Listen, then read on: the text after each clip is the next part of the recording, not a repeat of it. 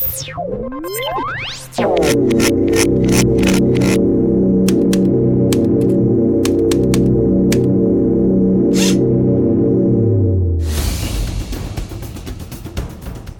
pozdravljeni v 11. počrtu podkastu, z vami sva Lenard Kučič in Taja Topolovec.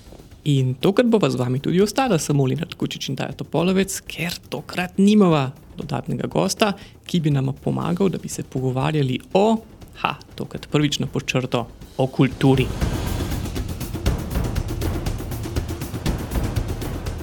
Govorili bomo sicer o enem zelo specifičnem področju na področju kulture in sicer o samozaposlenih v kulturi in o tem, kako so po naši preiskavi, ki smo upravili, v bistvu ujeti v neko prekarno pozicijo med Ministrstvom za kulturo in pa neobstoječim uh, umetniškim ali kulturnim ustvarjalnim trgom. Tako v Sloveniji. Ta kultura se je hm, utihotapila na počrtu tako malce, precej na okolje. In sicer v lani jesen smo skupaj z Združenjem preiskovalnih novinarjev Investigate Europe odprli eno temo, na kakšen način se je po gospodarski krizi tako precej spremenil trg dela v Evropski uniji.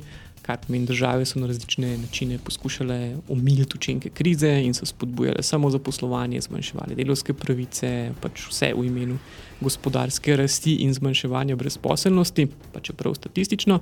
Ampak Bravci so nas pa upozorili po prvih parih člankih, da pa ta prekarizacija ni značilna samo za tiste najbolj ranljive demografske skupine, kar pomeni nizko kvalificirane, nizko izobražene, revnejše in druge skupine delavstva, ampak se je praktično razširila oziroma je navzoča povsod. In um, med idejami, uh, področji, na katere naj bomo mal pozorni, so bili tudi ustvarjalci v, kako se temu reče, kulturnih in ustvarjalnih industrijah. Zdaj, če damo temu nek širši kontekst, čeprav smo mi sicer štartali z te teme uh, prekarizacije na trgu delovne sile v Evropi, so kulturni poklici in pa poklici na področju kulturnih uh, industrij, ki so novejšega datuma, v bistvu specifični v tem, da so obstajali že pred pojavom krize in da se ta prekarizacija ni zgodila samo kot odgovor na, na, na zadnjo krizo, ampak je na neke vrste sistemski odgovor na naravo poklica in pa ustvarjalnega dela, ki se ga tukaj uh, opravlja na tem področju. Ja, zaradi tega, ker ože gledano o prekarizaciji se v zadnjih letih precej govori, predvsem v primerjavi recimo, s tistim, kar je bilo značilnost te klasične industrijske socialne države, kar pomeni kjer je bila norma redna zaposlenost po možnosti v enem podjetju do pokojnine, medtem ko za kulturne in ustvarjalne poklice to nikoli ni veljalo, ampak se pač ni govorilo o prekarnosti, ampak smo veljali za svobodnjake. Ampak prav zaradi tega, no, tukaj je seveda več možnosti debate o tem, da je veliko razno raznih raziskav na to temo, da so kar naenkrat postali tudi drugi poklici, veliko bolj podobni tem kulturniško-ustvarjalnim, ki so bili tako včasih, že v 70-ih letih, so imeli podoben status kot imajo danes, recimo podjetniki, pa start-upi in podobno, ki so mogli sami razmišljati o tem, da si ustvarjajo svoj trg, da si ustvarjajo svoj izdelek, da se brandirajo, da se pač skratka vse to, kar je danes značilno za te tehnološke startupe so morali ljudje v kulturno-ustvarjalnih poklicih početi že zadnja desetletja. Zaradi tega je tukaj po eni strani teže govoriti o klasični prekarnosti, ker je to v naravi njihovega poklica, ampak po drugi strani smo pa iz številnih virov no, eh, izvedeli, da pa je stanje na teh področjih. Kljub temu, da so večinoma uspešni, visoko izobraženi, tudi mednarodno upeti, da se ne nekno samo izobražujejo, da so navajeni sami iskati svoje priložnosti in se promovirati, skratka, vse tisto, kar naj bi današnji delavci znali, čeprav to kulturni in ustvarjalni poklici že znajo, da je pa kljub temu stanje na njihovem področju zelo slabo. In zato je bil en tak poskus tega našega članka narediti dvoje in sicer prvič ugotoviti, kakšno je stanje med kulturno-ustvarjalnimi poklici v Sloveniji in pa zakaj je takšno. Za mogoče, če za začetek poveva, kaj pravzaprav pomeni biti samo zaposlen v kulturi. Ja, dejva, to, no, recimo tipove. Kaj je en tak tipično značilen samo zaposlen v kulturi? Torej, mi govorimo o posamezniku, ki je lahko samostojni ustvarjalec na področju kulture, kar bi lahko bil ali arhitekt, oblikovalec, to, so, to bi rekli, temu, da so to bolj kreativne industrije, pa potem um, Pisatelj, slikar. Tako um, urednik, uh, vizualni umetnik, fotograf. Uh, ali pa zelo specializirani poklici, kot so naprimer, vem, kot naprimer dramaturg, uh, uh -huh. lučkar uh, in podobno. Torej, Animator Ludk. Naprimer. naprimer. To so posamezniki, ki so pri Ministrstvu za kulturo pridobili status uh, samostojnega kulturnega ustvarjalca in so upisani v registr. Ob tem pa smo se mi ukvarjali v bistvu samo s tem delom posameznikov, ki so hkrati pridobili tudi pravico do kritja socialnih prispevkov strani države. Torej, tehnično to pomeni, da jim prispevke za socialno varnost, torej za uh, pokojnino, zdravstveno zavarovanje, krije država. krije država vsak mesec iz proračuna. In zato porabi približno 7,5 milijona evrov na leto. Tako je. No, zakaj smo pa zbrali točno njih? Mislim, da po eni strani že metodološko, ker so pač tako dosti jasno zamejena skupina iz treh takih ključnih dejavnikov, zaradi katerih se zelo razlikujejo od temu običajnih samozaposlenih v kakšnih drugih poklicih. Ker, naprimer, konec koncev bi lahko samostojni stvarjalec na področju kulture te poklice upravljal tudi kot uh, samostojni podjetnik, naprimer, se bi registriral kot samostojni podjetnik, kot na področju arhitekt. Tako. tako je. Zdaj, kaj je značilnost tega? Pač prva značilnost tega je, da, da delujejo vsi na enem področju, ki mu država Slovenija uradno skozi zakone, skozi strategije in številne druge dokumente pripisuje ali pa priznava en tak poseben status. Recimo kultura, to slišimo že v osnovni šoli, je izredno pomembna za, zaradi jezika, zaradi kulture, da nas kultura dela narod in vse ostalo. Skratka, veliko je njih takih. Zapisov v različnih strategijah, ki utemeljujejo poseben pomen kulture v, recimo, slovenski državi, in s tem ga vidijo tudi kot nek tak javni interes, kjer ga je pač smiselno ga do neke mere omogočati, podpirati, subvencionirati in plačevati z državnim denarjem. Druga specifika samozaposlenih kultur je, da Ministrstvo za kulturo oziroma država predpisuje, katere pogoje morajo posamezniki izpolnjevati, da sploh lahko pridobijo ta status, torej da se lahko pišejo v razvid samozaposlenih in potem eh, na to še pridobivajo pravico do plačila eh, prispevkov za socialno varnost. Eh, če moče ti čisto na kratko poveš, kaj, kaj to pravzaprav, ja, kaj pravzaprav to pomeni. Tisti ustvarjalci, ki hočejo pridobiti pravico do plačevanja prispevkov, morajo dejansko iti skozi zahteven sistem. Tudi če gledamo recimo uradne pogoje in tudi naši sogovorniki, ki smo jih natančno poprašali, kako je to sploh zdaj v njihovem primeru. Maj seveda odvisno od področja, na katerem delajo, ampak v glavnem morajo pripraviti zelo konkreten portfelj s seznamom vsega, kar so v zadnjih petih letih naredili klipinga, um, če so jih recimo v medijih, ki je omenjali, če so bili uh, gostovali na televiziji, če so bili v kakšnih intervjujih, pa kaj so kritiki porekli o njihovem delu, pa predložiti natančno dokumentacijo vseh vem, prevodov, razstav, pač česar koli že nagrad, nagrad mm. gostovanj. Skratka, zelo obsežen portfelj morajo predložiti komisiji, ki potem presodi, ali oni dejansko opravljajo delo, na, mislim, ki je tako pomembno in hkrati tako na visokem ustvarjalnem, strokovnem in drugem nivoju, da so upravičeni do plačevanja prispevkov. No, in takih, ki so šli skozi vse te filtre, kar pomeni, da, recimo, da jim država uradno priznava, da delujejo v javnem interesu, da jim strokovne komisije uradno priznajo, da zadostijo njihovim kriterijem, in jim potem država dejansko plača prispevke za socialno varnost, je v Sloveniji približno 2000. Za še ena možnost pa je, da upravljajo poklic, ki je, defin, ki je definiran kot deficitarni poklic v kulturi in zaradi tega pridobijo ta status. Ampak to je še vedno teh 2000 posameznikov, ki jih omenjaš. No, ampak če gledamo, recimo, imamo tukaj en specifičen vzorc 2000 ljudi, ki recimo temu izpolnjujejo tri do zahtevne kriterije. Hkrati smo pa lahko v zadnjem času naš številnih javnih tribunah, debatah, ki so bili tudi precej medijsko odmevni, pa to, ugotovili, da ustvarjalci, pa interesna združenja, pa interesne skupine, vse čas opozarjajo na izrazito slabe socialne razmere, v katerih se ti ustvarjalci nahajajo. Zdaj, mi smo po podatkih, ki smo jih pridobili in smo jih tudi objavili na podčrto, eh, ugotovili, da je dejansko četrtina samozaposlenih v kulturi, ki imajo pridobljeno pravico do kritja socialnih prispevkov, po prihodkih na letni ravni pod pragom tveganja revščine.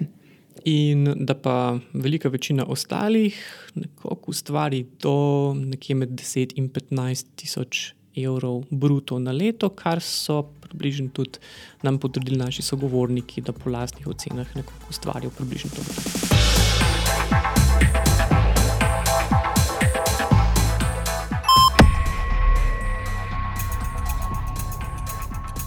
Zdaj nas je zanimalo, zakaj je temu tako in v čem je pravzaprav problem ob tem, da imamo pač tolikšen del posameznikov, ki imajo predvsej nizke prihodke. Ha, in tukaj smo pa ugotovili, da stvar, no, to se ne sliši zelo originalno, ampak ni preprosta.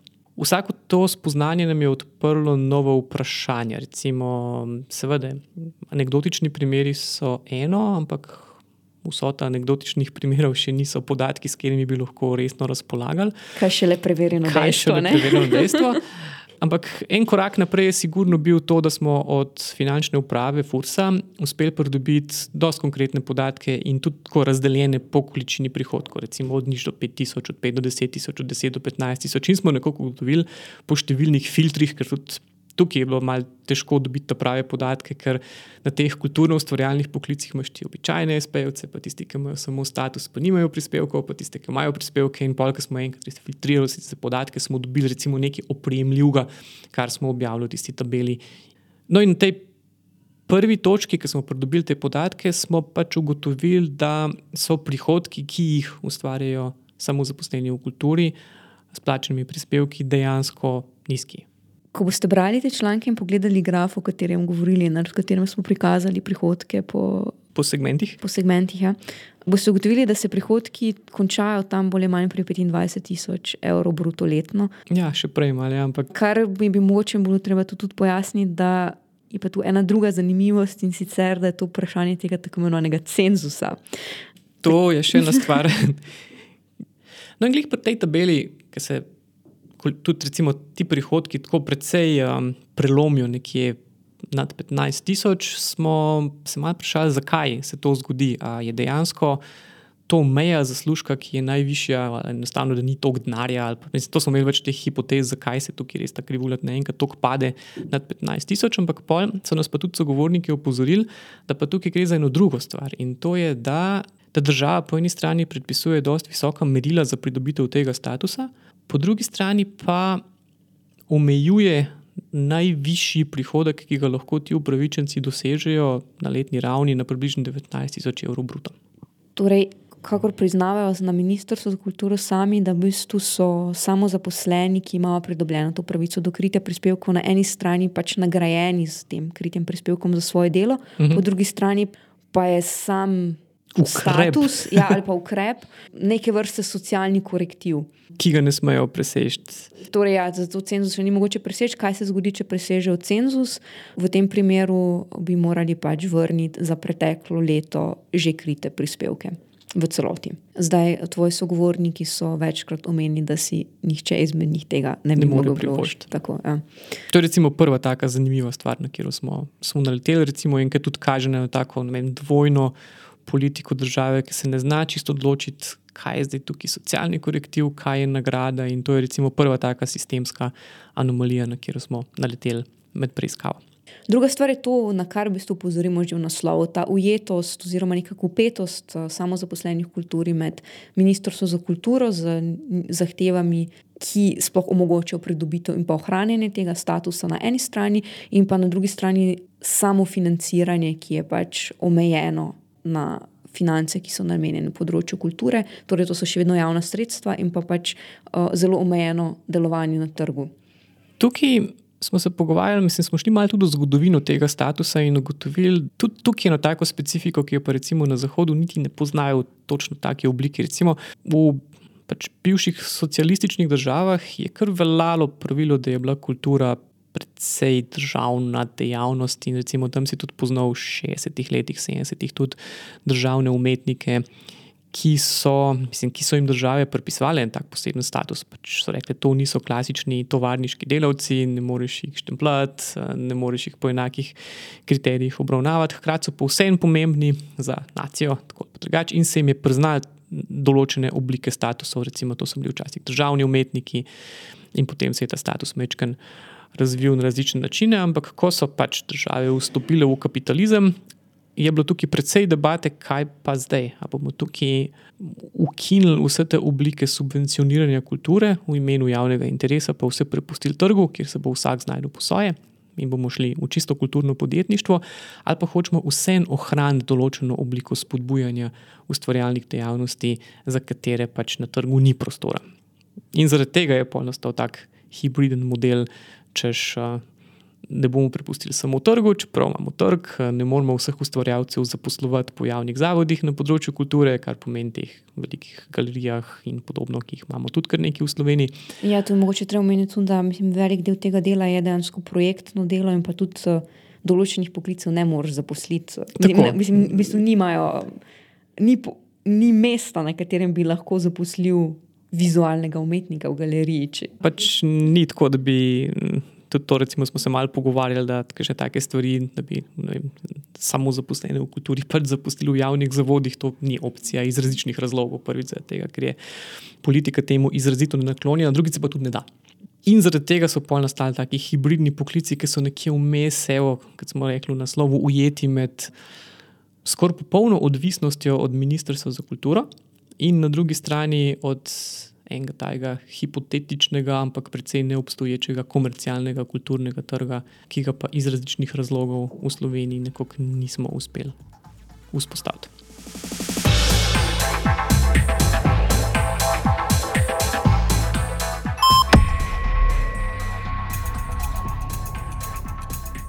Zato je mogoče treba omeniti tudi to, da so posamezniki, ki upravljajo različne poklice, na pod, specializirane poklice na področju kulture, v bistvu v osnovi v precej neenakem statusu.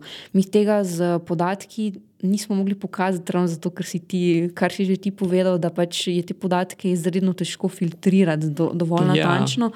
Uh, ampak, če pogledamo čisto katere dejavnosti.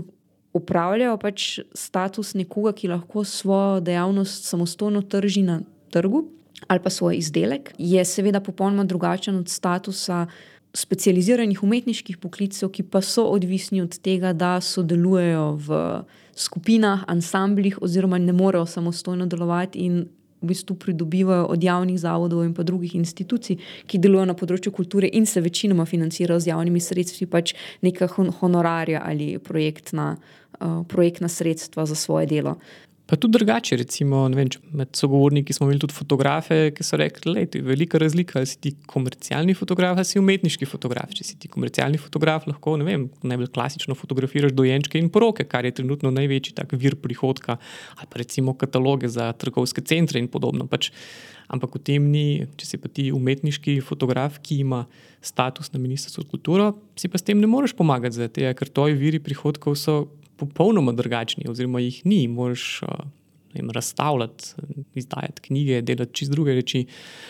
In uh, tudi tukaj je pol mal problem. Tudi v komunikaciji s tem, kaj je zdaj tržna in kaj ni tržna dejavnost. Kaj ti lahko, recimo, tudi vem, znotraj določenih poklicov, recimo med plesalci, recimo baletniki, do neke mere lahko računajo na se ne računajo, ampak obstaja možnost zaposlitve v ansamblih, recimo opere in baleta, medtem ko izrazni umetniški in drugi izrazni in sodobni plesalci, ja. pa ne, so pa odvisni samo od. V bistvu umetniških projektov, na katerih, na katerih delajo. Tako, ja. torej, zadeva, ki smo preverili tudi na Ministrstvu za kulturo, je, da naj bi samo zaposleni v kulturi upravljajo dejavnosti na področju kulture. Zato je že spet vprašanje, kaj je področje kulture. Mislim, področje kulture ali je to področje umetnosti, ali spadajo notri že tudi kreativne um, industrije, ja, kot je naprimer oblikovanje, ki je v osnovi lahko zelo tržna dejavnost. Ampak, um, naprimer, če, bi, če zameva nek primer, če si ti registriran kot. Uh, samostojni ustvarjalec na področju kulture, ki je književnik, ti naj ne bi znotraj tega statusa deloval kot nekdo, ki piše besedila za oglaševalske akcije. Recimo, ja. Naprimer, pač, kar je še neka dodatna omejitev v smislu vezanosti. Na, na projekte in sredstva, ki spadajo na področje kulture, ki pa so ponovno spet vezana na javni proračun za področje kulture. Ja, in eno od takih stranskih učinkov, ki smo jih ugotovili, je tudi to, da razen enega sogovornika, pa smo jih kar nekaj poiskali, v bistvu noben ni hotel o tem javno govoriti. Mislim, enostavno so vsi tako vezani na tako omejenih potencijalnih naročnikov, ki so spet na eni strani vezani na državne projekte, ali pa tudi, konec koncev, na to, da bojo čez pet let morali podaljšati status samozaposlenega. Skratka, teh enih takih strahov pred tem, da bi kritizirali ta sistem, je bilo precej in tudi en tak splošen občutek, ki smo ga dobili med to preiskavo, je to, da je to sistem, so, v katerem so praktično vsi nezadovoljni. Hkrati pa tudi. Hrati, ja, ja. hrati pa se na nek način ne, ne upa nišče preveč spremeniti. Ja, in to je tudi pol pri tistem klasičnem našem vprašanju spremembe na bolje. Smo tukaj hm, tudi skoraj več vprašanj, kot odgovorov na koncu dobili. Je pač klasičen odgovor, vedno znova je, potrebujemo več sredstev na področju kulture. Tako, kar do določene- vsi strinjajo. Ja, to, kar do določene mere gotovo drži. Niso pa znali naši sogovorniki zadovoljivo odgovoriti na naše zelo specifično vprašanje, sicer kako se ne bi ta dodatna sredstva na področju kulture. Zdaj, treba vedeti, da financiranje kulture je Tudi precej široko. ja. Ja, in precej široko, torej, da teh, eh, ta denar, ki je namenjen samostojnim kulturnim ustvarjalcem, direktno v obliki projektnih sredstev, ki jih lahko pridobiva od Ministrstva za kulturo, ponovno, Mhm. ali pa prek zavodov, ali pa um, v obliki kritja prispevkov, to je v bistvu zelo majhen delež celotnega Proračuna. kulturnega proračuna. In če bi povečal denar, tako absolutno Mhm. količino, bi se sicer nekaj malega povečal tudi ta delež, ampak spet vprašanje, na kakšen način bi ta denar dejansko prišel do končnih ustvarjalcev. Se To je tisti ključen problem, ki pol vidiš, na kakšen način je kultura pri nas financirana. Recimo, ko narediš in to sem naredil tako infografiko na podlagi ene študije o financiranju kulture v Sloveniji, ki jo je naročilo ministrstvo, da pol ugotoviš, da en tak ogromen delež je namenjen financiranju javnih zavodov, potem je približno 60%, potem je skoraj desetina namenjena financiranju samega, same kulturne birokracije, od ministrstva do vseh teh agencij, ki jih imajo noter. Potem imaš še par takih, neki so še investicije, vzdrževanje, pa imaš še vso kulturno dediščino, pa ne vem kaj vse. In potem nekje v enem takem manjšem deležu imaš pa programska in druga sredstva, znotraj katerega je konec koncev že ta delež, iz katerega se plačuje prispevke. In ko enkrat zelo specifično vprašaš ljudi, je dobro, ampak recimo, okay, zdaj je tega denarja približno 160 milijonov na leto, za, za leto 2018, pa recimo, da bi se izpolnila želja naših sogovornikov, tako da bi se ta vsota povečala vsaj na 200 milijonov. Ampak pa na naslednje vprašanje, ja, ampak po tem sistemu financiranja kulture, kakršen je danes, kaj od tega bi se dejansko, pa na kakšen način prišlo do tega, da bi pa ustvarjalci, za katere zdaj pač opozarjamo, da imajo izredno nizke prihodke, a bi se jim prihodki kakorkoli povišali. Na to pa nismo dobili prepričljivega odgovora. Drugo vprašanje, na katerega nismo dobili zelo prepričljivega odgovora, pa je, naši sogovorniki večinoma poudarjajo, da v Sloveniji ne obstaja kulturni in umetniški trg. Mhm, zasebni. Tako. S čimer mislimo več stvari. Uh, Nekaj je čist direktna prodaja končnih kulturnih produktov, Mhm. kar je vse od prodaje knjig. uh, Sicer v statistikah, ki jih vodimo na tem področju, je med temi knjigami, kot smo ugotovili, velik delež učbenikov. Tako, Ja. največji delež učbenikov. Naj, največ je učbenikov, kinostopnic, eh, končnih, naprimer, vem, umetniških del. Mhm. Kulturni trg so tudi sponzorska sredstva in pa v bistvu vsa zasebna vlaganja, vlaganja v kulturo, ki so prav tako na nek način slabo sledljiva, kolikor mi lahko vidimo iz, iz podatkov, ki so pridobljeni. Ja, in pol druga stvar, ki jo tudi izpostavljajo naši sogovorniki, je ta, da enostavno, dobro, te takam, hm, morda se sliši mečken zlajnen, no, ampak enostavno, da ni tradicije kulturne porabe, ker po eni strani Slovenci kar nekaj porabijo za vse te kulturne izdelke, ampak če greš pogledat analizo vsega, pa vidiš, da je ogromno. Velik delež teh izdatkov pa ugotoviš, da so noter šteti še naročnina na televizijo, prispevki ali pa recimo ne vem. Oglaševanje. Oglaševanje, pa vse. Recimo, ne vem, kaj snisko podatek, koliko Slovenci porabijo za nakupe knjig, je številka še kar solidna, ampak pol pa ugotoviš, da je tri četrt tega zneska pravzaprav namenjenega šolskim učbenikom, kar pomeni, da spet to ni nekaj, od česar bi recimo en pisatelj karkoli dobil. Skratka, da je dejansko teh alternativnih virov prihodkov, od neposredne prodaje do vsega, dejansko precej slabo. Zdaj, um, spet so govorniki so izpostavili, da tukaj ne vem, do neke mere je problem, ker so. Okay, da je premalo spodbud za olajšave in donacije, da enostavno pri nas še nimaš tega, da bi recimo velika korporacija hm, lahko recimo pri davkih prehranila skoraj 10% enega prihodka in da skoraj najamejo kulturnega menedžerja, ki jim dejansko kulturni portfelj vodi na podoben način kot druge naložbene priložnosti, da za njih kupuje umetniška dela. Skratka, vse te tradicije tudi slučajno še ni in vse to na koncu pride do tega, kar smo tudi ugotovili, da sicer imamo tukaj balkane ocene, ampak da je res zelo, zelo, zelo, zelo velik del vsega kulturno-umetniškega ustvarjanja v Sloveniji odvisen od države, tako posredno ali pa neposredno. Ja, in tretja stvar pa je, da se potem v bistvu na nek način spet vrnemo. Torej, imamo celoten umetniško-kulturni milje. Ja, Je odvisen, je odvisen od uh, ene inštitucije in pa pač državnega denarja v veliki meri, po drugi strani pa je seveda Ministrstvo za kulturo tisto, ki vodi vso strategijo na področju. Ampak tudi tukaj, recimo, nismo prišli po eni strani. Je cel ta, ki praviš, milje odvisen od ene državne inštitucije, to je Ministrstvo za kulturo, kar razloži, zakaj je to področje tako in politično in politizirano.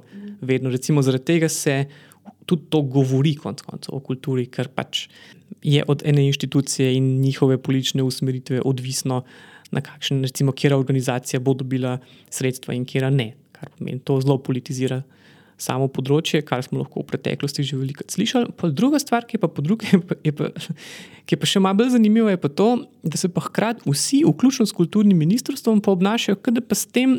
Kot da nimajo kaj dosti s tem, oziroma imaš skoraj tako občutek, kot da je Ministrstvo za kulturo samo ena taka organizacija, ki sicer, ok, država Slovenija temu namenja delež proračuna, ki je danes malo večji, pol malo manjši, in pri njih pa bolj ne pol na koncu pade, da razdelijo te sredstva, kot vejo in znajo. Recimo, to je ena taka tudi pogosta kritika Ministrstva za kulturo, eh, ki so jo naši sogovorniki izpostavili, da oni ne razmišljajo strateško, kar pomeni, da, da je na življenje kulturnikov skoraj bolj pomembno vplivala ena davčna reforma, ki so jo pripravili na Ministrstvu za finance, kot pa karkoli so počeli na Ministrstvu za kulturo v zadnjih letih. Recimo tukaj so pa taki čudni absurdi, po eni strani hude odvisnosti od ene državne inštitucije, ministrstva, hkrati mu pa sogovorniki očitajo, da pa nobene strategije na področju kulture pa nima, oziroma da se sploh ne zna zares pozanimati, za, ta- mislim, oziroma da ne zna poskrbeti za področje, ki ga obravnava. Mislim, to je en tak absurd, na katerega smo naleteli.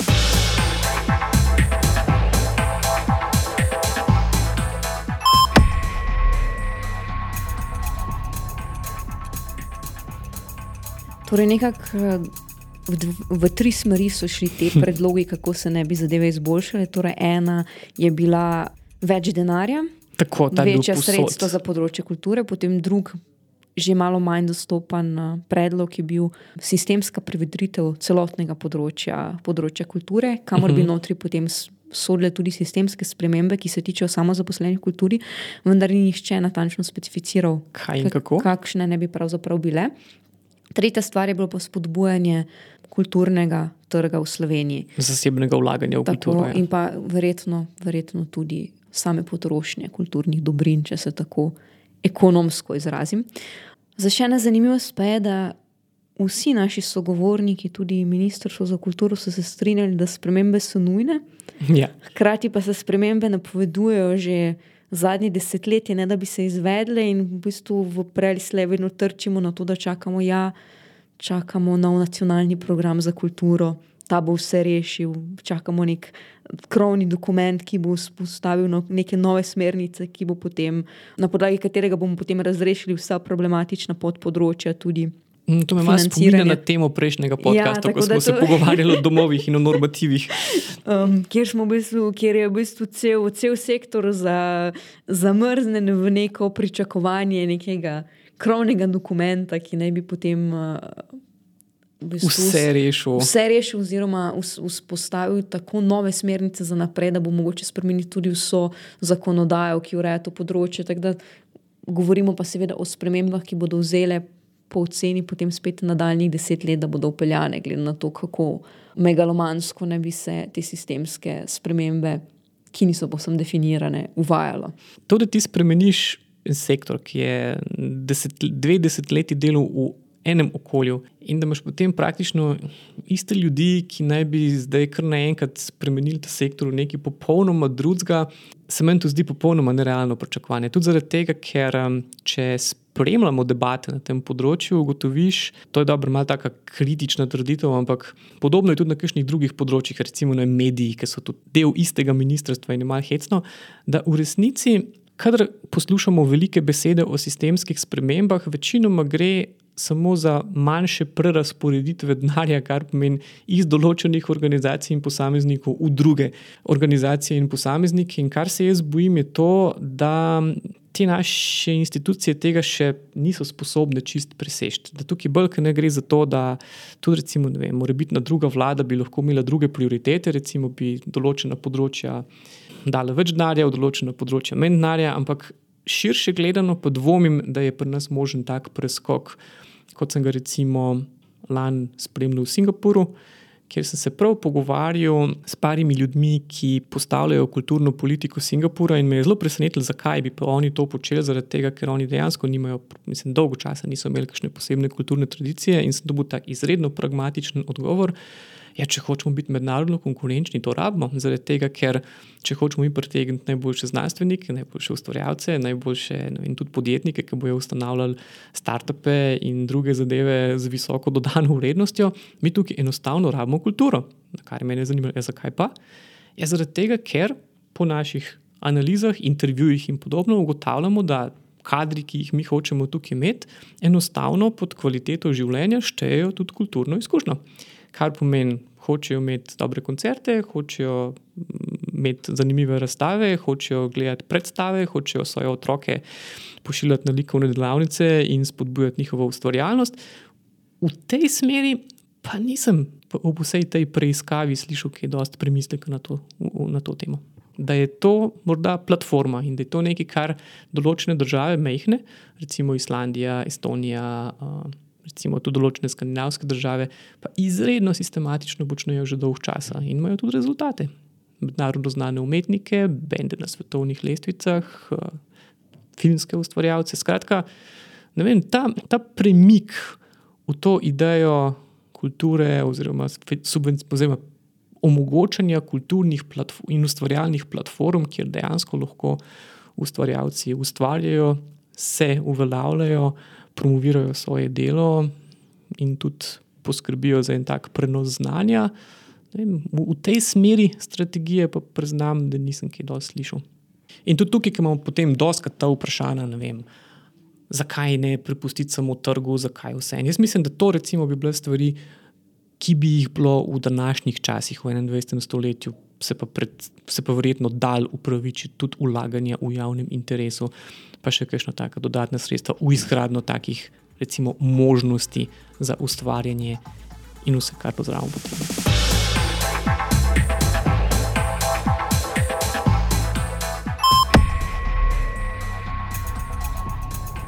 Kot smo že na začetku rekli, je dejansko tema, s katero smo se mi ukvarjali, zelo, zelo oska in specifična. Torej, samo zaposleni na področju kulture so en majhen delež celotnega kulturnega področja. Absolutno. Um, pa, celega... tudi, pa tudi v to temo smo vstopili skozi eno. Zelo ja, specifično perspektivo. Pre, perspektivo preiskovanja. Torej, smo se ukvarjali s tem vprašanjem, ali lahko govorimo tudi pri samozaposlenih na področju kulture o prekarizaciji na kakšen način. In revščini. Um, revščini kot posledici te prekarizacije. Uh mhm. -huh. Je pa cel sistem, ali pa rečemo, kar kulturni organi organizem precej večji in precej vključuje tudi precej drugih uh, aspektov, katere se mi nismo znotraj tega, teh, teh člankov. Poglabljali zaradi tega, ker presegajo okvire te, te teme. Te, te, te preiskave. No, če skušamo tukaj potegniti nek splošen zaključek iz uh, te teme, ki smo začeli kot eno majhno podtemo na področju prekarizacije, revščine. Ja, ki je prerasla, prerasla svoje okvirje. In mogoče nek zaključek te teme na nek način to, da kljub temu, da se področje kulture in ustvarjalnosti mnogo krat obravnava kot neko posebno področje, ki je izuzeto iz. Uh, trga, materialnega, kaj vse. In pa, sistem, in pa nekih sistemov, ki, so, ki jih lahko vidimo na drugih področjih, naprimer na področju zdravstva. So nas še ugotovili tudi, da so si pravzaprav ta področja med seboj na koncu. Predvsej podobna, če jih pogledamo skozi to, kako so sistemsko urejene, kako sistemsko delujejo in na kak način se skozi te precej rigidne sisteme lahko upeljuje neka potrebna sprememba. No, in ko naši sogovorniki govorijo o sistemski rešitvi, je to treba imeti dobesedno, ne samo zato, ker se lepo sliši, ker smo ugotovili, da pač kulturno ministrstvo z vsemi njihovimi trenutnimi pooblastili in omejitvami tega področja samo ne more rešiti. Brez sodelovanja finančnega ministrstva, ministrstva za gospodarstvo, ministrstva za delo in socialne zadeve, ker pač vse to so področja, ki izrazito močno vplivajo na možnosti za ustvarjanje in konec koncev na prihodke in življenjski standard ustvarjalcev. Počrto smo sicer Anžej, Rok, Taja, Tanja in Lenard, danes pa tudi pes z imenom Dunja. Zelo zen prisustuje temu snemanju. ja, in je eden od dveh psov na počrto, poleg tega našega logotipa. Tako da ja, mislim, imamo svoje zaloge, lastnih watchdogov. Privoščimo prijetne dopustniške in počitniške izkušnje. Uh, lahko poslušate, če slučajno niste še kakšne naše pretekle epizode in nas kot vedno priporočite algoritmom in tistim, ki so zraven vas na počitnicah. Z novimi epizodami počrto podcasta, v bistvu drugo sezono počrto podcastov, pa se vračamo spet jeseni.